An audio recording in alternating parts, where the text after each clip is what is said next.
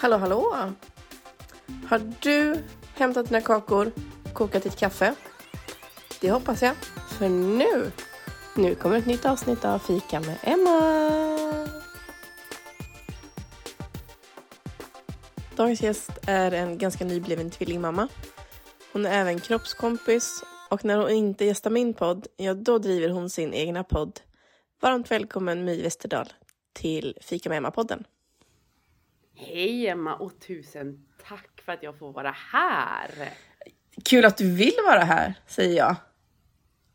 Det här är ju så spännande upplägg. Jag bara shit vad kreativt när jag liksom läste på om din podd. Jättekul! Ja, men många av mina gäster tycker att det är ett intressant eh, upplägg och väldigt speciellt. Och det är det ju faktiskt. Mm. Jag går in på gästens Instagramkonto och sen väljer jag ut några bilder och så samtalar vi kring dem. Mm. Så visst är det ett annorlunda koncept. Det är inte många som har det. Nej. Så jag har varit inne på ditt konto ju. Eh, och hittade några bilder. jag hade kunnat välja hur många som helst tror jag. Men jag valde ut åtta stycken. Och sen tänker jag att vi eh, samtalar kring dem. Och är det så att när man lyssnar på podden nu så kan man också gå in på mitt konto, eh, Fika med Emma-podd. Och så kan man under tiden vi pratar om bilderna kan man också se bilderna samtidigt. Mm. För det kan vara härligt för lyssnaren att eh, också få se eh, vad det är vi pratar om. Jag tänker att vi ska försöka beskriva så gott vi kan. Mm. Du har grävt reda på alla mina snaskiga gamla hemligheter som jag hoppades var begravda bland mina tusentals bilder i flödet. Ja, du hade många bilder, hade du verkligen. Jag tycker att vi drar igång med första bilden. Mm. Eh, och vad är det vi ser där, My? Ja, eh, det är egentligen en före och efterbild på mig. Eh, Precis. en bild från när jag var nästan allra störst till när jag var nästan allra minst. Mm. Du har också skrivit i texten Hipp hipp hurra, fyra år och fyra månader firar jag socker, mjölmat och alkoholfri dag. Mm. Och så står det också att du har tappat 95 kilo. Det är ju en hel människa. Eller det skulle, Ja, kunna, vara, det. det skulle kunna vara två människor. Eller två yngre människor. Ja, ja precis. Berätta lite om, om vad det här är för en dag du firar. Eller varför... Ja, alltså. Jag tror att det är det här de flesta identifierar mig med och, och liksom det var därför man så hittade mitt konto kanske för att jag gjorde ju en ganska brutal viktresa. När jag var 20 så vägde jag 170 kilo och eh, jag hade eh, alltså väldigt dålig hälsa överlag. Alltså jag hade förstorat hjärta, jag hade jättedåliga blodvärden och, och, och eh, läkarna sa att jag bara hade två år kvar att leva. Och, Oj. eh, ja. Så att det, det var... Hur kändes var det? Ganska, så här, att få det liksom i ansiktet. Så. Ja, alltså. Jag har ju aldrig haft någon cancer eller så, men jag kan tänka mig att det är lite samma känsla, den här paniken för att jag hade ju bantat hela mitt liv så att och ingenting funkade i längden. Så det var den här, ja men fruktansvärda eh, känslan att inte ha, alltså inte veta hur jag ska göra för att jag hade verkligen provat allt. Ehm, så det var väldigt obehagligt. Jag kände mig otroligt maktlös. Mm. Mm. Jag kan tänka mig det. Mm. Men det blev ju inte Ja. två år. För du sitter ju här Nej. idag. Precis. Nej men i det här då så man hade ju tjatat på mig att göra en gastric bypass eller typ sån här magsäcksoperation i flera år. Och till slut då när jag fick den här dödsdomen så tackade jag ja men så är det så här ett års väntetid och man behöver liksom typ visa att man, Mm, man okej. går ner i vikt. Mm. Eh, och då började, då hittade jag helt random LCHF och började med det och rasade i vikt då den första tiden. Och för första gången så kände jag att det var väldigt hållbart att för att jag blev mätt och jag fick äta när jag vill, hur mycket jag vill, alltså allt det här liksom. Mm. Och eh, det, mm, ja men det var en oerhörd befrielse att liksom få gå ner i vikt samtidigt som jag får vara mätt. Men framförallt så fick jag ju väldigt bra hälsovärden väldigt snabbt så här att jag har ju PCOS så att jag hade bara eh, som en kvinnosjukdom då som tionde kvinna har. Mm. Eh, så jag hade bara menstruerat två gånger i hela mitt liv innan och nu Oj. började jag menstruera regelbundet och jag fick bättre astma och bättre allergier så att jag blev ju väldigt frisk på den här kosten. Mm. Fantastiskt att man kan bli det av en kost så tänker jag. Men blev det någon Det- operation sen då? Nej, utan Nej. jag kände så här att eh, alltså den operationen är ju som alla operationer förenat med, med vissa risker och jag var inte villig att ta dem nu när jag kände att eh, eh, jag hade ett bättre alternativ för mig liksom. Mm. Ehm, så att då tackade jag nej till det och så fortsatte jag med LCHF och jag åt LCHF i 11 år. Oj! Jag, ja, Shit. innan jag slutade med det. Oj! I elva år? Ja. Så att ehm, Wow. alla säger ju så här, ja, man behöver kolhydrater för hjärnan, men jag menar herregud, jag tog min civilingenjörsexamen på LCHF på typ 10 gram kolhydrater per dag, så det är ju liksom det behöver inte hjärnan för att överleva utan det klarar ju kroppen själv. Mm. Men idag äter du kolhydrater och sånt? Ja, eller alltså Eller blir det att man inte äter det nu också? Jag tänker för du, det är någonting, efter 11 år så kanske man inte ens saknar det kan jag tänka mig. Nej. Alltså, så här är det med min PCOS så får jag en väldigt, alltså jag får ju väldiga konsekvenser om jag bara liksom äter allt möjligt liksom. Och för mig så är det ju väldigt, alltså jag har sån connection med min kropp att, att liksom jag kan lyssna på den och liksom välja fritt så att säga eh, utefter vad den mår bra av. Men jag insåg ju någonstans för att jag tog ju det här alldeles för långt. Jag bantade ner mig otroligt smal och liten. Eh, och jag blev av med min mens på grund av det, att jag svalt mig själv liksom. Okej. Eh, det gick liksom över till, till liksom andra sidan på något sätt. Och jag insåg att hur jag än åt och vad jag än stoppade i munnen så kände jag dåligt samvete. Och min hjärna var så här helt besatt utav, du vet, mat, vikt, hälsa, mat, vikt, hälsa liksom. Mm. Ehm, och ehm, det innebär att jag kände att jag behövde göra mig fri från det. För jag kan inte leva så här, inte som mamma och inte som eh, ja, men medmänniska. Och jag kände att jag inte kunde leva till min fulla potential. Mm. Så att eh, jag började leta omkring och bara det måste finnas en utväg ur detta liksom. Ur alla de här dieter och tjafs och sånt där. Och då hittade jag ju någonting som heter intuitivt ätande som är väldigt stort i USA. Men inte finns någonting i Sverige. Och så läste jag tio böcker om det. Jag gick en kurs och jag gick eh, hos en coach. Och så blev jag helt matfri. Eh, och då bestämde jag mig att det här är så fruktansvärt effektivt och grymt så att jag startade en egen eh, kurs i detta som heter just matfri. Ehm, för att eh, ja, men jag kände att det här var liksom revolutionerande. Tänk att man bara liksom kan få ett helt nytt liv. Mm. Alltså inte vara så slav under maten och då tänker ju många så här, ja men då äter man bara massa skit och bara blir jättesjuk. Men så är det ju inte utan man lär ju sig att alltså, kroppen tar makten och kroppen vill inte vara sjuk. Så att man väljer liksom bra mat från ur ett annat ställe i själen liksom. Så den här före och efterbilden, jag är inte så smal som jag är på den bilden längre. Och jag är inte så stor som jag är på den bilden där heller, utan min kropp har på något sätt stannat upp mitt emellan liksom. Och eh, eh, jag styr inte längre min vikt med viljestyrka, utan eh, den fungerar precis som den ska. Den, den, alltså jag menstruerar, jag har ingen astma, jag har inga allergier. Liksom jag är frisk men jag lever i en större kropp helt enkelt. Mm. Det är... ja, Men det är fint att du säger så, att du lever... Men alltså att du kan acceptera din kropp idag. För det låter som att du kanske inte har gjort det hela tiden.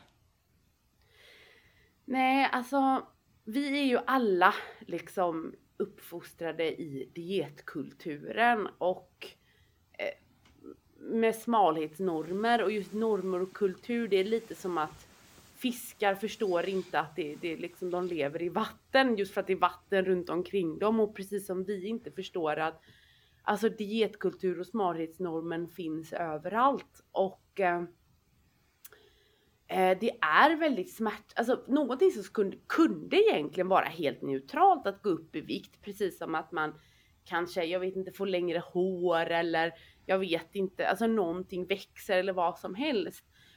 Um, är väldigt negativt laddat idag. Mm. Um, och då, för att sluta banta så behöver man göra upp med sin kroppsbild. För de här två är så himla tätt liksom sammanslutna på något sätt. Så att det är det man angriper också i den här kursen jag har också för att man ska få en Alltså mer en kroppsneutralitet. Det handlar liksom inte om att åh, oh, jag ska älska mig själv hela tiden och tycka att jag är sketsnygg utan det handlar bara om att man har liksom en neutral inställning till sin kropp och att alltså rädslor för att gå upp eller vikt eller bli sådär. Det, det får liksom inte komma emellan hur jag gör mina matval utan kroppen är fullt kapabel själv att göra bra matval. Men då behöver man liksom göra upp med sin rädsla att, att, att bli stor, liksom. sin fettfobi. Liksom, på ett sätt. Mm. Det är fint att du har kommit till den eh, punkten och att du då kan hjälpa andra genom den här kursen som du har. Ja, alltså sedan har vi ju allihopa sådana här liksom dåliga kroppsdagar. Det har vi ju. Jag menar. Jo, men det har ju alla. Det är, även om man är tjock eller smal så har man ju absolut. Eller hur? Och jag tänker så här att, att rädslan för att vara tjock, det är liksom inte isolerat till Alltså jag har alltid varit rädd för att bli tjock, även när jag var som smalast eller även när jag var som störst. Det är någonting som verkligen visar för mig att den här rädslan eller kroppsångesten, den sitter inte hur jag ser ut. Utan det är en helt, alltså det handlar om liksom min bild i mitt huvud och den rädslan jag behöver göra upp med. Inte hur verkligheten faktiskt är, för att den fluktuerar inte med hur mycket jag väger eller hur jag ser ut, utan det beror ju på liksom hur kulturen är och tyvärr är det ju så att vi lever i ett, i ett samhälle som premierar smala, vita, funktionella kroppar. Eh, så fort du har till exempel en annan hudfärg än en vit eller eh, kanske du har fötts med ett handikapp av något slag så utsätts du för, alltså så jag då som vit medelklasskvinna har ju liksom vissa privilegier eh, som jag anser självklara. Medan andra människor då med en annan hudfärg eller en annan social tillhörighet än vad jag har, har ju mycket mer hinder än mig i vissa avseenden. Och detta appliceras även på vikten. Mm. Liksom. Och det yes. går lite att, att jämföra med typ ja men du föds fattig, ja men då kan du väl bara liksom plugga på, i skolan och skaffa en utbildning och göra en klassresa. Typ som att vem som helst gör det i en, i en kvart, det gör man inte. Nej, och det är samma sant. med vikt, ja, eller hur? Ja. Och det är samma med vikt, ja men det är bara att banta. Fast det är inte det, för all forskning visar på att minst 95% väger lika mycket eller mer efter tre år. Och en två tredjedel av dessa går faktiskt upp i vikt. Så att det bästa sättet att bli tjock på, det är faktiskt att försöka bli smal. Vilket är en helt sjuk tankevurpa, men det är så vår biologi fungerar. Ja. ja, vi kan prata länge om det här. Då. Jag tänker att vi går vidare till nästa bild. Eh, och eh, de som har lyssnat på den här podden länge vet ju att jag tycker om kändisar. Eh, och då hittade jag ju såklart en bild in hos dig med en kändis på. Den andra bilden är du och Babben Larsson. Ja! Ja. Och varför står du med Babben Larsson? Ni. Jo, men eh, förr i tiden så identifierade jag mig som sockerberoende. Eh, och eh, då så, hon som tog hela den här liksom, sockerberoende grejen och så till, till Sverige heter Bitten och hon firade 25 år i Sverige med den här eh, filosofin eller så. Och då var det ett jättestort event och Babben hon identifierar sig också som sockerberoende. Eh, och eh, ja, så Blev ni inbjudna? Vi var där och föreläste. Ja, ni föreläste. Mm. Precis, så jag föreläste och hon föreläste också fast hon gjorde ju lite så här ståuppkomik liksom. Så att eh, men det är jättekul med Babben. Jag släpper ett, eh, eller det finns ett avsnitt med henne i min podd också där jag intervjuar henne om liksom eh, kroppskomplex och eh, hälsa och, och, och, sockerberoende och så också. Så är man mer liksom nyfiken på Babben så, så kan man lyssna på podden Viktigt också. Ja, det får vi göra när vi har lyssnat klart på den här podden. Eller det här avsnittet. Men hur var det då att föreläsa? Jo men jag har ju föreläst jättemycket. Jag tycker det, alltså jag är ju en sån apa höll jag på att säga, en scenapa. så att jag älskar ju att föreläsa och sånt. Det tycker jag är så roligt. Det ger mig ett otroligt mycket energi och någonting jag har gjort väldigt mycket. Eh, eh, och liksom blivit verkligen så här fått högsta betyg i sådana omdömen och grejer. Så att Ja, nu sitter jag här och skryter. Det ska man göra. Skryt på. Bara riktigt så lite kräks i min mun så mycket jag skryter. Men, ja, nej, men jag tycker det är väldigt roligt att föreläsa liksom. Komma ut och liksom en stor publik och stå och snacka och Ja det är skitkul alltså. Så det har jag verkligen saknat under de här coronaåren.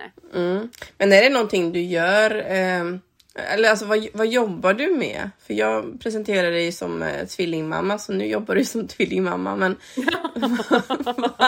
eh, vad är liksom, vad är ditt yrke? Är det att föreläsa? Nej, det är alltså, ja, alltså, jag är ju egentligen utbildad civilingenjör. Eh, så att jag Alltså min, mitt vanliga jobb eller sådär, jag jobbar med affärsutveckling inom liksom IT-branschen så att säga. Mm. Eh, det är det jag jobbar med, det är liksom mitt levebröd och det jag tycker är också väldigt eh, alltså, roligt också. Jag gillar det där. Eh, just nu är jag ju föräldraledig eh, och jag har även ett eget företag ehm, där jag då hjälper kvinnor att eh, på något sätt bli kompis med sina kroppar.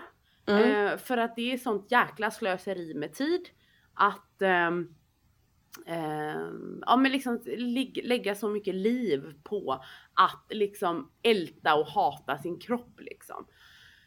Vi tror ju gärna att vi ska leva i 500 år, vilket vi inte gör, utan vi har en begränsad tid på den här jorden och framförallt en begränsad tid där vi inte är sköra människor utan som vi har mycket kraft och kan leva upp.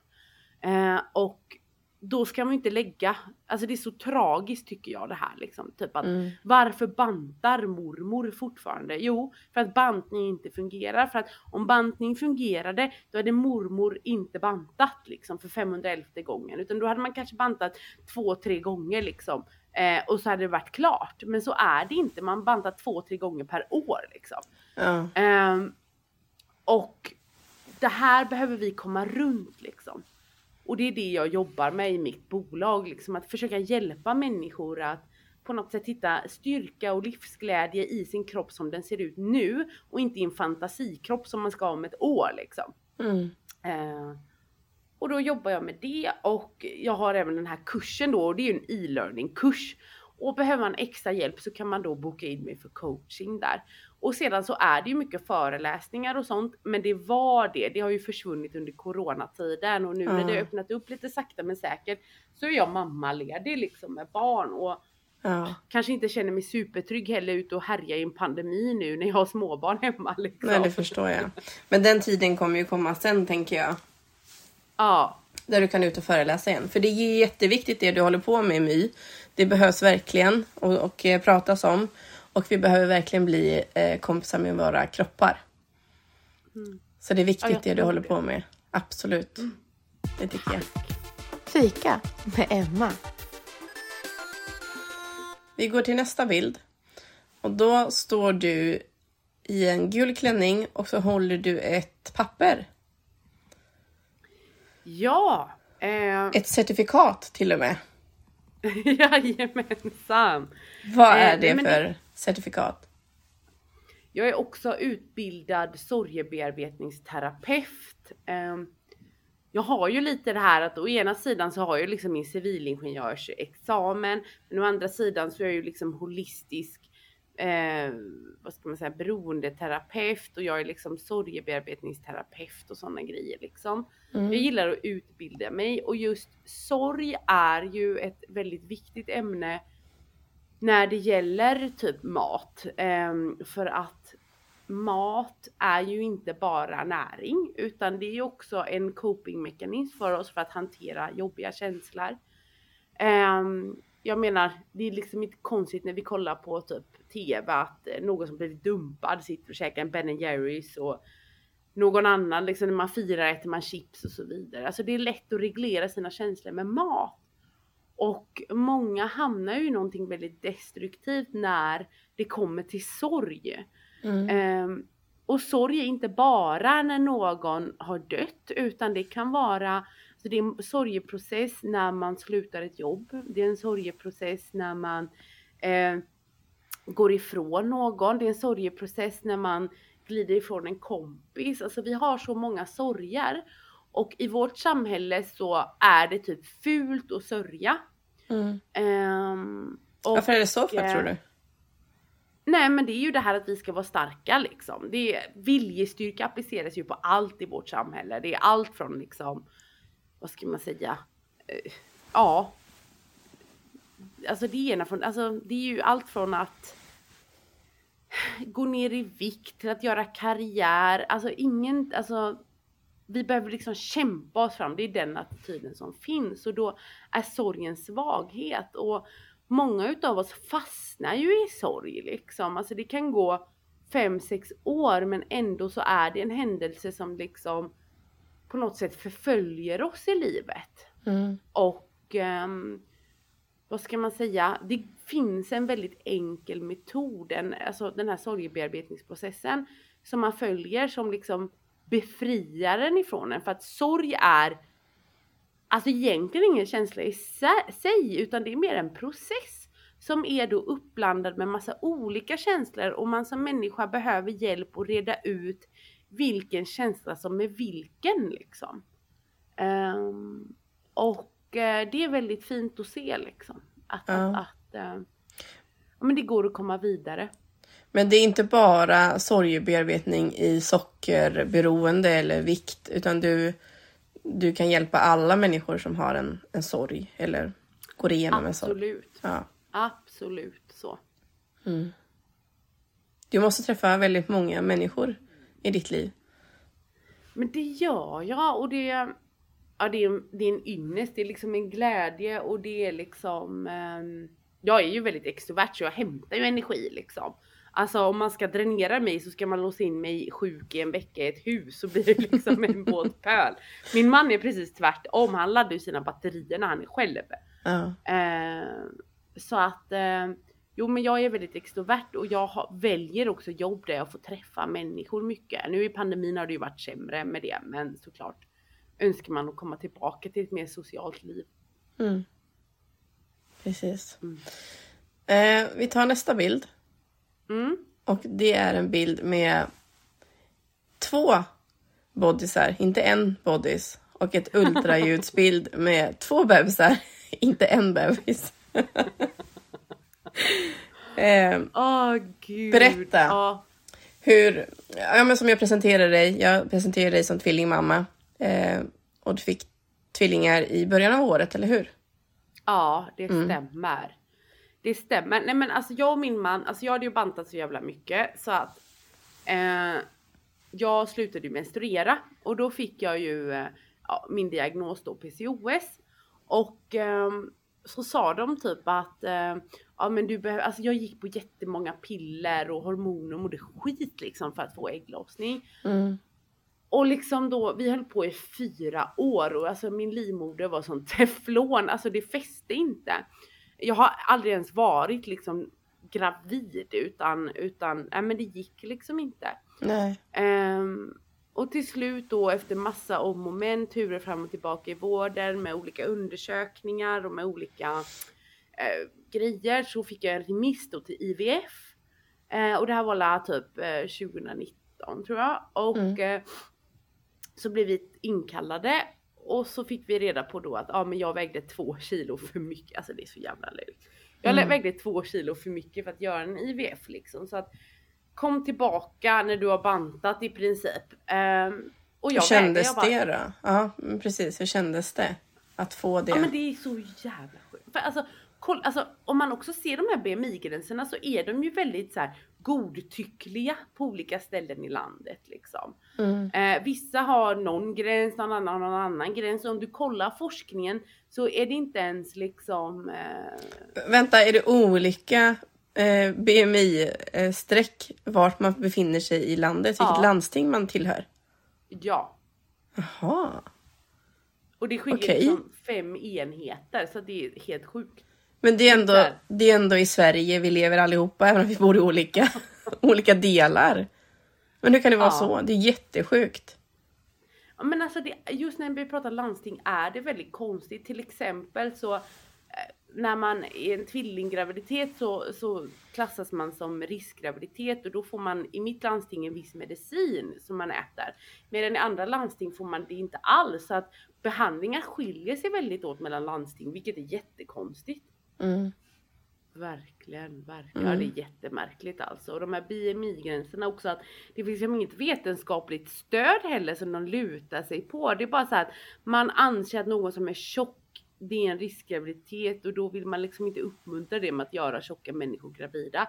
Vilket är så jäkla kränkande för det finns alltså tjocka människor, alltså men det är ju ingenting som säger att vi blir liksom sämre gravida på något sätt. Alltså Nej. allt det här med liksom forskning kring övervikt är så mycket bias. Alltså när man öppnar på den Pandoras ask så inser man liksom hur mycket skit det är som gömmer sig där. Exempelvis så är det ju så här typ att vi behöver skilja på kausalitet och liksom korrelation. Kausalitet innebär liksom att det här X y, orsakar Y. Medan eh, korrelation ser man liksom att ja, men det här uppträder ofta i samband liksom. Exempelvis så ser man att lägre IQ innebär förkortad livslängd. Alltså det, ja. Ska man då tvinga folk att öva på IQ-test för att få upp sitt IQ för att leva? Alltså du vet, du, du Ja, har ju jag det förstår. är. Ja. Liksom, och det är samma sak med, med, med överviktsforskning att ja, man har sett att viss, vissa sjukdomar och sånt liksom uppkommer oftare om, om du är tjock liksom. Men det som är så knäppt med det, det är att det vi vet, det är att bantning är otroligt skadligt för den kardiovaskulära hälsan och vår hälsoprofil överlag. Och att man vet att människor som är överviktiga har bantat liksom betydligt fler omgångar än eh, normalviktiga människor. Vilket gör att de får ju liksom en sämre hälsa på grund av det. Mm. Och även att alla viktbias, alla hinder du ser i samhället, allt det här liksom mobbing, alla liksom tips, råd, alltså sådär, det skadar din mentala hälsa och ger liksom en ökad stresspåslag, vilket ger liksom en sämre fysisk hälsa. Eh, och även då att du får sämre tillgång till vård. Alltså läkarna är så fixerade på att krympa din kropp att de liksom glömmer bort att behandla själva symptomen du kommer dit för. Vilket gör att överviktiga söker vård mycket senare än normalviktiga och då har man en sämre utsikt också i olika diagnoser. Så att det här med liksom det behöver du väga in när du liksom säger att överviktiga ofta blir sjuka. För att då innebär ju det liksom att det inte är övervikten i sig som orsakar sjukdomen utan det är det andra som är associerat med övervikt. Mobbingen, viktstigman, sämre vård, högre stresspåslag och så vidare. Det är det som snarare orsakar sjukdomar, inte övervikten i sig. Mm. Men när du fick det här beskedet då, att du hade två kilo för mycket. Gick Ja. du hem då och eh, ja, bantade bort dem? För att kunna bli gravid? Jag, aldrig i livet! Nej, nej, nej. Jag sa så här, aldrig mer. Då skiter vi i det. Martin, nu gör vi så här, så jag till honom. Vi blir så här föräldrahem eller någonting för att jag tänker inte banta. Jag har nämligen kompisar som har gått på pulverdieter och liksom helt förstört sig bara för att få göra IVF.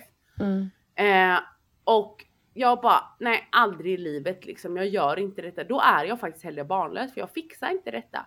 Så att vi sket i det och vi bokade in en så här jätte, det här var ju innan pandemin, så lyxig, en jättelyxig resa vi skulle åka på och du vet, ha det så himla nice och vi köpte en ny bil som var lite mindre och alltihopa.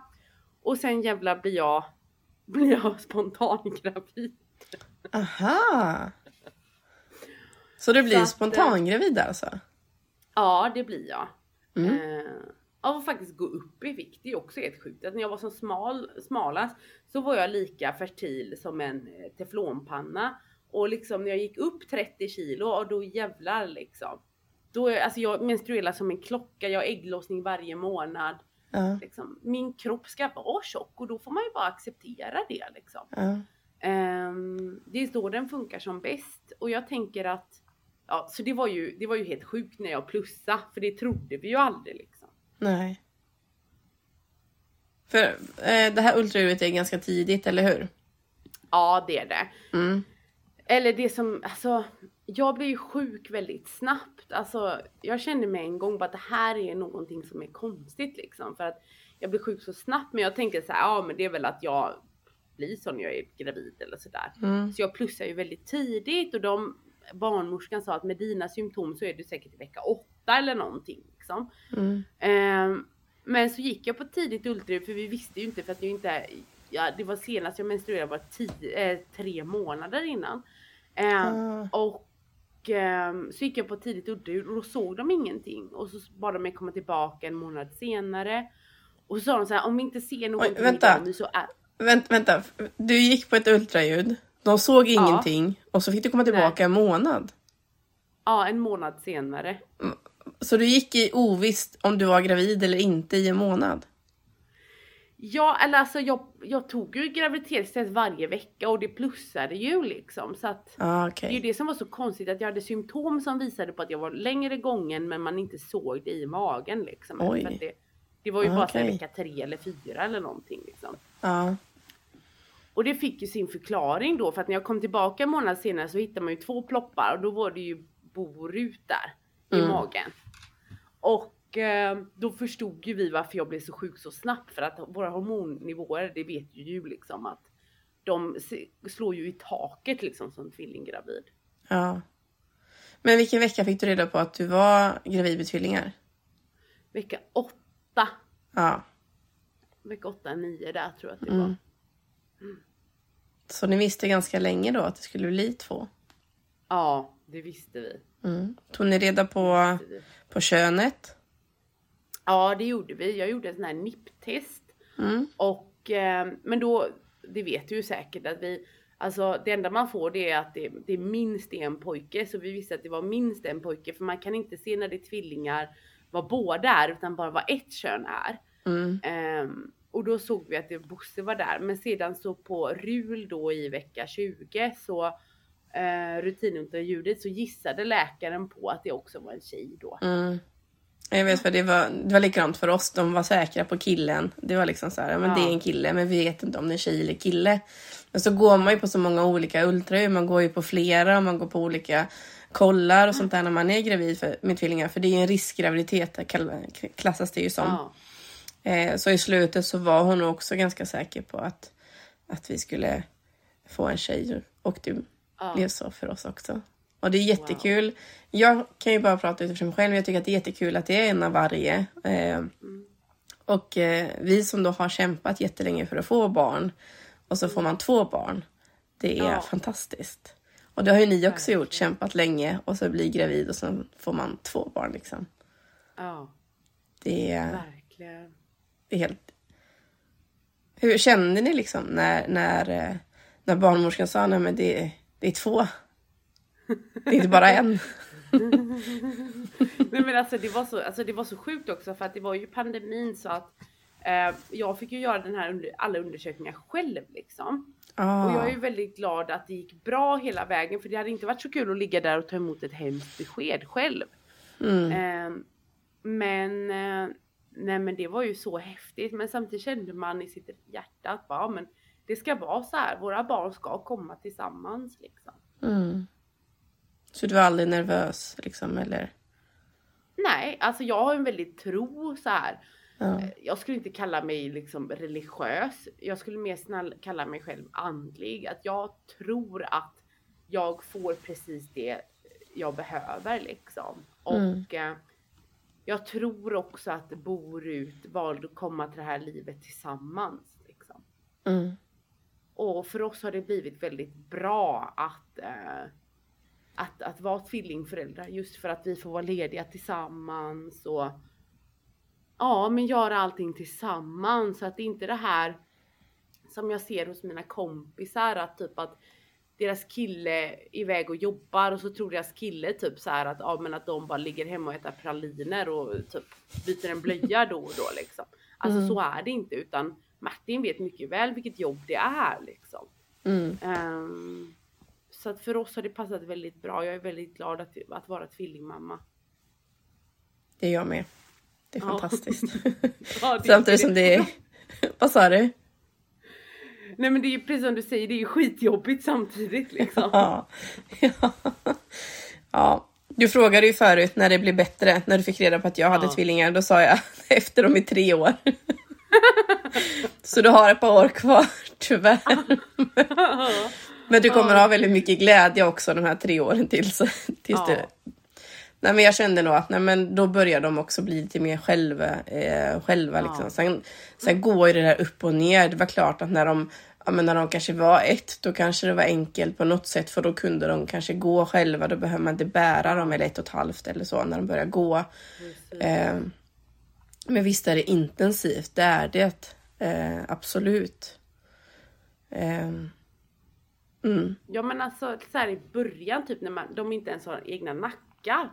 Då blir det så här, alltså det blir väldigt osäkert liksom. Alltså, det blir ju en säkerhetsrisk. Jag kan ju inte bolla med dem själv liksom. Nej. Och, och nu så är det liksom, den ene sover genom halva, halva natten och då är den andra en skrikrakt och så går det varannat så liksom. Ah, okej. Det, det blir väldigt intensivt och just det här att jag kan väl känna mig snuvad på, alltså det är en sak jag kan känna mig snuvad på. Det är det här att, ja men typ när jag och Rut som igår, då var vi hos eh, BBC, bara hon och jag.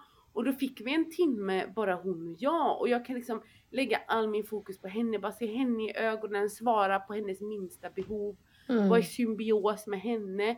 Det kan inte jag som tvillingmamma, där är jag en projektledare. Och jag kan liksom avundas symbiosen som mina vänner har med sitt första barn. Att man går in i den här bubblan helt, för det, det går inte som tvillingförälder liksom. Nej. Nej, det är sant. Så, eh, men det är väl det enda liksom. Och det vore skönt att få sova lite ibland. Men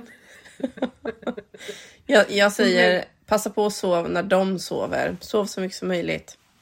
ja, Mm. Men det är svårt för det är då man vill städa, diska, tvätta. ja precis. Precis. Exakt. Fika med Emma. Du My, du är väldigt offentlig på din Instagram. Det kan ta konsekvenser ibland. Ja, Då går vi till nästa bild så här är ett eh, brev du visar upp. ja, Eh, där du, eh, det står i texten, det här, hän- det här är vad som händer om man vågar visa gravidhormoner offentligt och, det, och dessutom väljer bort kolhydrater. Och då är det en, en, en kallelse kan man väl säga. Du ska komma och... Vart är det du, du ska till socialkontoret? Ja, står det. Socialkontoret. Vad, Ja. vad är detta liksom? Det är någon som har anmält dig anonymt antar jag. Ja det var inte bara någon utan de hade fått in tre olika anmälningar på mig som mamma. Eh, och då kan jag säga att då var jag gravid så att de här barnen fanns inte ens. Eh, Nej. och eh, vi blev inkallade till socialkontoret och jag var så arg och så ledsen vet Ja. jag för att det var för just att jag har ätit LCHF så länge så åt jag ju det även liksom när jag var gravid. Eller LCHF. Jag har ju alltid, eller jag väljer ju en kost som, alltså det är ju väldigt sällan jag äter pasta och ris för jag får väldigt ont i magen och så vidare. Så, eh, och det här uppfattade några då som eh, barnmisshandel. Så att de gjorde såna här anonyma anmälningar på mig och min man på till socialkontoret. Mm. Så vi blev ju inkallad med möte med en handledare där. Mm. Och hon eh, sa bara, eh, ja alltså vi kan ju inte ens sätta upp liksom fall här på grund utav att ni, alltså de här barnen finns ju inte, det finns ju inga personnummer liksom. Nej. Ehm, och i de här anmälningarna så stod det säkert sjuka grejer att det är barnmisshandel och hon är inte, My är inte intelligent nog att ta hand om barn och bla bla bla liksom. Ehm, det var väldigt elaka saker vi, som gick att läsa där. Ja, för ni fick läsa de anmälningarna också. Ja, precis, precis. Men ni vet fortfarande inte vem det var som anmälde er? Ingen alls. Nej. Eller ingen aning alls. Nej. Jag kan tycka att det är väldigt sjukt att man eh, tar... Eh, Nej, men att man håller på så här. Eh, har man ingen egen... Alltså då har man alldeles för lite tid i sitt liv. Att man ska hålla på att anmäla folk hit och dit. Det är klart att man ska vara uppmärksam på att anmäla människor om det är så att det behövs. Men här, här kan man ju se ganska enkelt att det inte är någonting som är farligt för barnen. Och du går på olika eh, kontroller. Eh, du går till och med på ytterligare kontroller för man är tvillinggravid. Liksom. Eh, jag tror att de har ganska bra koll på dig och barnen eh, fortfarande i magen. Så att jag tycker att det är så sjukt att man... Eh, jag menar att någon lägger så mycket energi på någonting som sen då inte blir någonting av. Mm. För jag antar att det inte hände någonting. De la Nej. det åt, Nej, sidan. Ja. De bara, ja, okej nu har vi fattat att du är offentlig, då kommer jag säga det till mina kollegor, sa hon. Så, Ja. så vet de det om det kommer in fler saker liksom. Ehm, och alltså jag vet ju till exempel Jocke och Jonna har ju också haft jättemycket problem med det. De får ju åka in till socialkontoret hela tiden för att det kommer in anmälningar. Så att Mm. jag tror att Alltså just det här med sociala medier är ju fantastiskt på mycket liksom. Men det finns också en fara det att människor tror att de känner en på ett sätt som man kanske inte gör för att det är ju så här att det här är mitt jobb och det här, alltså jag visar ju upp vissa grejer i mitt liv som jag väljer. Sedan så finns det ju tusen nyanser av det som vi inte visar upp. Till exempel min man finns aldrig med. Mm. Eh, numera finns inte mina barn med heller. Ehm, och, och liksom ett liv är ju så mycket mer än det man visar upp på Instagram liksom. ja men absolut. Då tror jag att människor kan tro liksom helt andra saker och liksom dra, alltså det blir väldigt svartvitt för vissa. Och så drar man slutsatser som inte ens är sanna liksom. Mm. Ja. Men vi kan i alla fall gå vidare till nästa bild och då kan vi ju konstatera då att de här tre personerna som anmälde er har ju totalt helt fel. För den 3 februari i år så kom ju Rut och Bo till världen. Ja. Friska, krya och du var också frisk och kry hela tiden. Ja, eller hela, jag fick Eller? en Ja, havandeskapsförgiftning du, ja, i slutet. men det har ju ingenting med LCHF-dieten kan jag tänka mig. Nej, Nej. nej. Precis, Alltså, det, det är ju många som får det som... 34. Ja, men det är många som får havandeskapsförgiftning när man är gravid så det är ju inget konstigt det. Nej. Nej. Men hur var det nu och eh, få två? Hur gick hela förlossningen? I korthet. Ja, alltså jag hade haft en väldigt enkel gra graviditet, varit frisk hela tiden, hade jättefina värden och så. Men, eh, och jag kunde träna vecka till typ vecka 34 eller något sånt där. Eh, tränade jag liksom kickboxing och alltså jag mådde skitbra i min graviditet. Mm. Men sen så helt plötsligt så började jag efter jul började jag gå upp ett kilo om dagen. Och eh, jag gick ju in i den här graviditeten med väldigt lågt blodtryck. Alltså du vet så här 90 genom 60. Alltså jag har väldigt lågt blodtryck. Mm. Eh, och, men det hade ju sakta, sakta glidit upp lite. Men det var liksom helt, det gick från lågt till typ normalt liksom. Men sen så började jag gå upp i vikt ett kilo om dagen och då ringde jag in och bara alltså jag går upp i vikt alltså. Det liksom sitter överallt och då fick jag det här sluta ät frukt. Bara, vadå ät frukt? Alltså jag har två barn i min mage. Min magsäck är stor som en femkrona. Jag är glad om jag kan äta något liksom. Sluta ät frukt också. Det var lite kul. Ja, helt sjukt. Helt sjukt. Okej. Och då åt ja. jag inte ens frukt. Ja, samma. eh, och så, och så ehm, nej men jag gick upp ett kilo om dagen och jag kan ju tycka att man borde kanske lagt in mig för att även om jag då inte visade Alltså du vet tecken på att jag var havandeskapsförgiftning. Jag menar det kunde varit hjärtsvikt, vad fan vet jag. Men man Mm. gjorde inte det, man la inte in mig vilket är helt jävla sjukt. Eh, men så hade jag ju tjatat till mig såna här proteinstickor från min eh, barnmorska för jag kände att här är någonting lurt i görningen. Så jag tog liksom mitt blodtryck hemma själv varje dag och proteinsticka och så på en söndag så slog det över bara bam jättehögt blodtryck och protein i urinen. Mm. Så vi åker in och jag är väldigt traumatiserad av vården. Alltså det är min största fobi. Alltså vissa har typ så här fobier när det kommer till till, till spindlar och sånt. Men alltså sjukhus, vårdpersonal, alltså jag mår så jävla dåligt alltså. Alltså jag får sån ångestpåslag och jag får ju mycket högre blodtryck också. Um, så att de la ju in mig med en gång och de visste inte om jag var, var för mitt blod var väldigt surt så man visste liksom inte om det Mhm. var så att jag var uttorkad eller om jag var havandeskapsförgiftad. Men så kom läkaren och det är ju så himla bra och liksom jag gick i Borås så det är ju väldigt så här, ja. Det är inte det här stora sjukhuset som Östra sjukhuset eller något sånt där utan jag hade Nej. samma läkare hela tiden och hon var fantastisk. Ehm, och hon kom och bara, men vi kommer behöva tidigarelägga din förlossning My. För att jag skulle egentligen kejsarsnittas då på eh, en måndag. Men hon flyttade fram den till onsdagen då innan så. Så att jag skulle få, Mm. få min förlossning då. Vilken vecka var det? Eh, det var väl i vecka 37 eller något sånt där. Ja, 36. men då hade du gått väldigt långt ändå. ja precis. Mm. Jag skulle ju förlösas vecka 38 men så blev jag förlöst vecka, i vecka 37 istället. Liksom. Ja. Eh, och eh, nej, så fick jag min kejsarsnitt. Äh, det var det bästa alltså fy fan. Jag skulle aldrig vilja föda vaginalt. Alltså aldrig! alltså respekt till er som gör det. Men jag får panik av det här okontrollerade förloppet. Men jag har Mm. haft kompisar som bara fick få verka en dag och så en vecka senare är ungen ute. Bara, nej, jag gör inte det där. Nej. Så att jag gillade det här liksom att man bara kom in och liksom, sen så började mitt ve- verkarbete faktiskt på natten ändå. Så Bo ut Ah. ville ut. Okej. Ehm, så det var fräckt. Men ehm, Nej men jag gjorde också snitt gjorde jag faktiskt. Eh, och det är jag också glad över idag. Det gick ju så himla bra. Jag mådde så bra efteråt.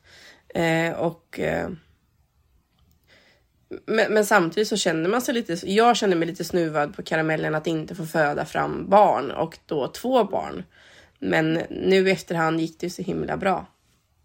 Så då, då var det ganska skönt att inte behöva krysta ut någonting utan då plockar de ut det.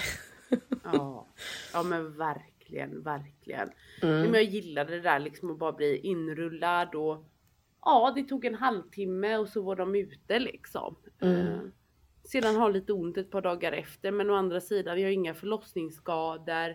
Nej. Jag har liksom inte det här att jag kissar på mig när jag liksom nyser. Mm. Alltså det är ju väldigt så, det enda jag har det är ett ärr på magen liksom och det är för mig, alltså för mig är det helt sjukt att vi i Sverige inte är snittmyndiga. Att man inte kan ta det beslutet som kvinna att jag vill inte föda vaginalt utan att istället så ska man typ omyndig förklaras och få 1500 samtal och träffa läkare och Aurora när man på något sätt säger nej men jag vill inte göra det här. Mm. Ehm, och jag tycker det är kvinno, en kvinnofråga. För att i andra länder så kan du välja fritt liksom och där kan man se att vissa länder är liksom majoriteten kejsarfödslar. Och ehm, ja, jag tycker bara liksom att det, det ska man få ta som beslut själv liksom. Ja men precis. Det håller jag med om. Mm. Mm. Så att jag förstår att om man vill, om man till exempel då verkligen vill föda vaginalt och inte får det. Så det är klart att man känner sig snuvad. Men jag ville verkligen inte. Så att för Mm. mig var det liksom. Nej, och här var det så att, att tvilling 2 var mycket större än tvilling 1. Ja okej. Och då, blir det, då kan det bli en risk ju att då får man göra snitt Ja. ändå på tvilling 2 eftersom att det är tvilling 1 som, som gör förjobbet liksom. Ja. Och då kände jag så här, ja men ni har koll, jag litar på er, då kör vi som det, som det är liksom. ja. Eh, ja. Men nu är de nio månader snart, sa du. Ja. Mm. Och de här nio månader har flyttit på bra. Ja, det har de. De har ju bara varit sjuka en gång så vi har haft tur där liksom. Ehm, så, eh, och eh, de är friska och de mår bra och de är liksom källan till vår absolut största glädje. Eh, det går Mm. liksom inte att tänka sig ett liv utan dem nu liksom. Mm, Min podd heter ju Fika med Emma. Ja. Eh, det sägs ju ganska självt att jag såklart gillar att fika. Ja. Eh, jag fikar minst en gång per dag tror jag. Ibland med lite onyttigare tillbehör. Eh, Man måste få leva också tänker jag. Det, så är det. Och nu sitter ju vi på länk du och jag. Men om vi skulle ses My, vad, eh, vad skulle du bjuda mig på för fika då? Är du en fika-människa eller är du en... Alltså jag tycker alltså för mig är det så här att det är klart jag kan uppskatta en kaka och så. Eh, men eftersom jag är ingenjör så är jag, jobbar jag inom liksom en mansdominerad bransch.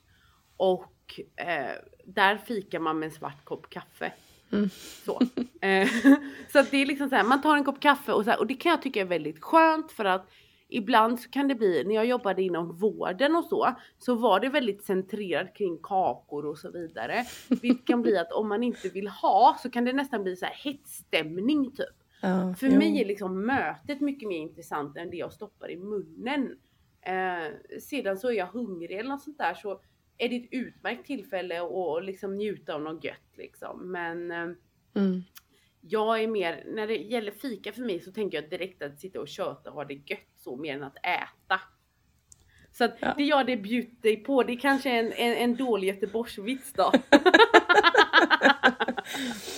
Ja, men det, det, det hade jag nog eh, tyckt var okej.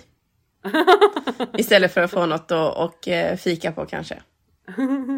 Tror jag. ja. Du verkar vara en väldigt härlig människa. Tack, vad god du är. Det är samma. Vi går vidare till nästa bild. Ja. Eh, ja, men när jag scrollade igenom eh, ditt konto. Jag scrollade inte ner ända ner såklart, för då hade jag ju försuttit fortfarande tror jag och scrolla. eh, men, men du är en väldigt aktiv kvinna. Vi har pratat mycket om det här att du har eget företag och att du eh, har gjort en eh, sorgebehandlingsutbildning. Eh, utbildning. eh, och den här bilden, det är en bild på dig. Eh, och så står det våra bloggar och sen står det My Westerdahl. Och det är från i maj i år tror jag det är. Och eh, då berättar du att du är en del av tidningen Må bra. Att du har börjat blogga hos dem antar jag. Ja, det stämmer. Jag är signad som en av deras influenser då på Må bra och även min podd är liksom i Aller Medias regi. Så jag bloggar och poddar med dem då. Ehm, vilket är jättekul att få liksom lite större plattform att liksom sprida kroppspositiva budskap och så. Det Ehm, förstår jag. Ja, och sedan så är jag så här liksom att jag blir typ dränerad i min själ om jag bara sitter hemma med barnen. Alltså det, det går liksom inte. Så att jag behöver liksom ha alltså små projekt sådär som, som jag håller på med för att bli en bra mamma. Och då är det ett utav dem liksom. Mm. Så, så, du, så du är liksom fortfarande mammaledig men du ändå håller på med det här vid sidan av så att du är Ja, halvt mamma eller ja. precis. Och det är jättebra att precis. man kan kombinera det i dagens samhälle, för det hade ju inte gått för kanske, ja men säg tio år sedan, för vi har ju blivit så eh, framåt i detta med att man ska kunna jobba mycket hemifrån och dels är det ju pandemins skull också liksom att vi kan göra Ja. detta. Eh, och sen det här sociala medier som har kommit mer och mer. Eh, och det kan ju passa människor då som kanske är lite mera aktiva som inte kan sitta still hela tiden. Eh, Så det är perfekt. Precis, precis. Alltså, jag läste någonstans att det är väldigt vanligt att mammor startar företag under sin mammaledighet. Man, liksom börjar, alltså man får liksom en andningspaus från sitt liv och börjar fundera på hm, vad vill jag göra nu liksom. Ja, men det har jag också Ehm, hört. Mm. Jag läste någon siffra, jag vet inte om den stämmer, men senast igår så läste jag typ att var femte mamma provar på någonting nytt liksom under sin mammaledighet. Mm. Så det är väldigt vanligt liksom att man börjar tänka i de termerna. Men jag startar ju inget nytt utan jag har bara fått lite mer tid att lägga på det jag verkligen brinner för liksom. Mm. Ehm, så. Och det är toppen. Ja det är faktiskt väldigt skoj. Alltså det är otroligt roligt ehm, att eh, Ja Men liksom att, att, att få liksom Men liksom vi behöver det. Alltså egentligen så skulle man typ stänga ner Instagram och sätta sig på ett jävla badhus och liksom kolla på olika kroppar varje dag. För att liksom verkligen fylla sitt huvud med att det är så här människor ser ut. Det är inte på det vi ser på Instagram utan folk har celluliter, alla olika rumpor, tuttar, eh, ben, alltihopa och jag behöver inte se ut som en liksom normsmal person för att vara värdefull utan jag får finnas och jag tycker vi pratar väldigt lite om det och, och många kan jag också känna typ är också så här att det finns ju lite olika typer av kroppspositivitet och har du, är du till exempel, är din, är din kropp liksom eh, normalviktig eller man säger eh, och, eller normalviktig, normviktig, alltså smal. Mm. Eh, och sedan så slutar du banta så går du upp en 5 kilo säger det liksom. Så kanske du får ett väck någonstans du inte haft förut och så visar man upp det. Det är också väldigt viktigt och det gör skillnad. Men eh, för oss som är tjocka, liksom tjocka personer så kan det bli liksom att ja men det där är ingenting, det där är liksom en kropp jag aldrig kommer nå. Eh, och de flesta utav oss människor i Sverige idag, alltså majoriteten av oss är ju tjocka liksom. Mm. Och då är det ju viktigt att liksom alla kroppar får finnas till och synas. Och jag tror verkligen det, eller jag försöker verkligen det skriva lite, alltså eftersom jag är ingenjör så är jag också väldigt intresserad av forskning och blivit liksom väldigt så här lärd i skolan, liksom jag har fått lära mig i min utbildning hur man läser forskning och tolkar resultat och siffror. Mm. Nu är inte mm. jag någon läkare och jag har ingen, ingen, ingen medicinsk utbildning. Men jag är väldigt duktig på att liksom ta till mig forskning och tolka resultat. Alltså, inte bara gå in i en forskningsrapport och läsa forskarnas tolkning, för det är också en tolkning. Det man ser abstrakten är ju bara en tolkning av resultaten som framkommit. Och det försöker jag liksom i min blogg och så visa på att alltså det finns så mycket forskning som verkligen inom det här området som behöver pratas om liksom. Um, för att det är, alltså att vara tjock är inte förenat med sjukdom, död och hälsa och det går att leva ett jävligt lyckligt och bra liv som tjock liksom. Mm. Så att det är jättekul att få göra det på må bra och, och lite så liksom. Och, sprida det budskapet för att ingen kan ju plåga sig till lycka. Alltså man kan inte mobba sig själv till att bli frisk utan att, att bli frisk handlar alltid om att vara en kroppskompis.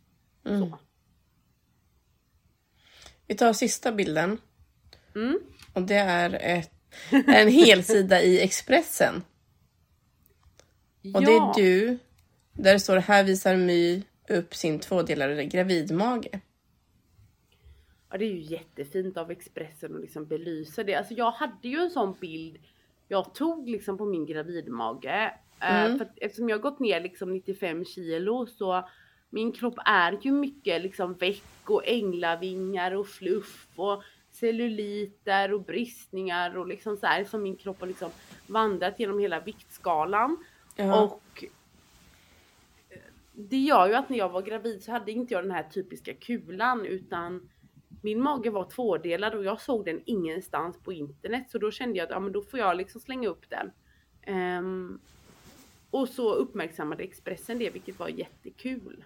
Mm modigt av dig kan jag tycka att lägga upp en sån bild för det är ju verkligen så intimt liksom. Eh, så jag tycker det var jättemodigt av dig att göra det och eh, jag såg bilden längre ner i ditt eh, flöde eh, och eh, jag hoppas att det kan hjälpa andra kvinnor som, som har ja, liknande liksom. Mm. Och jättefint nu då av Expressen att dela det och vi behöver dela mer sånt. Mm. Uppmärksamma mer Verkligen. sånt. Verkligen. Nej, men det är viktigt att alla får synas och ja, och liksom det här att jag menar bara för att någon har en viss typ av kropp så är inte det en kommentar på min kropp liksom utan alla är vi unika. Och mm. även om liksom läkare, sjukvård, tidningar, media, social media premierar en viss vikt och så, så innebär inte det att det är sant och att det på något sätt är du, utan det här är liksom vissa kroppar fungerar bara bättre och ska vara större. Det innebär inte att det är en sjukdom eller att det är någonting fel. Det vi får komma ihåg det är att WHO sa att homosexualitet var en mentalsjukdom fram till 1991. Liksom. Mm. Då var jag mm. två år gammal, alltså det här är, och jag är inte jättegammal liksom. Um, och jag menar, det är ju samma med, med, med fetma och övervikt, det ser man som en sjukdom idag. Eller om du har riktigt otur så ser du det som bristande viljestyrka. Men vissa ser det som en sjukdom medan jag ser det, det kan absolut vara ett symptom på vissa sjukdomar, till exempel som PCOS. Vi är ju generellt tjocka. Eh, eller andra sjukdomar som sköldkörtel eller Cushings och de här liksom. Ehm, eller bara generellt att man är insulinresistent och så vidare. Så det kan absolut uppkomma som symptom. Men sen behöver man också acceptera att vissa bara ska vara tjocka, liksom. precis som vissa bara ska vara långa. Vi kommer i alla former och färger och att då säga att någonting är fult och fel när jag de facto ser att min kropp är friskare på alla hälsomarkörer när den är större än när jag är smal. Liksom. Mm. Då behöver man liksom respektera sin kropp i det. Och det är lite det med min liksom graviditet. Den gick ju väldigt bra. Sedan fick jag ju en havandeskapsförgiftning. Det var ju lite osis, men det är också otroligt mycket vanligare när man har en riskgraviditet. Absolut. Um, så att uh, man kan vara tjock och frisk. Det är liksom kontentan av det och man kan vara tjock och gravid också. Mm. Absolut, det kan man. Och nu har vi gått igenom alla bilderna som jag hade med mig jätteroliga bilder av alla de här. Jag bara shit det här var länge sedan liksom. Man fick en sån här lite påminnelse. Och att livet, livet går framåt. Ja, det gör ju det. Och eh, jag önskar dig all lycka till med eh, tvillingarna. Och med... Eh, Detsamma! ja, tack. Och eh, ja, men med eh, bloggandet och med föreläsningarna framöver och eh, fortsätt att vara den du är. Du behövs där ute i världen. Fika time med Emma. Fika är gott.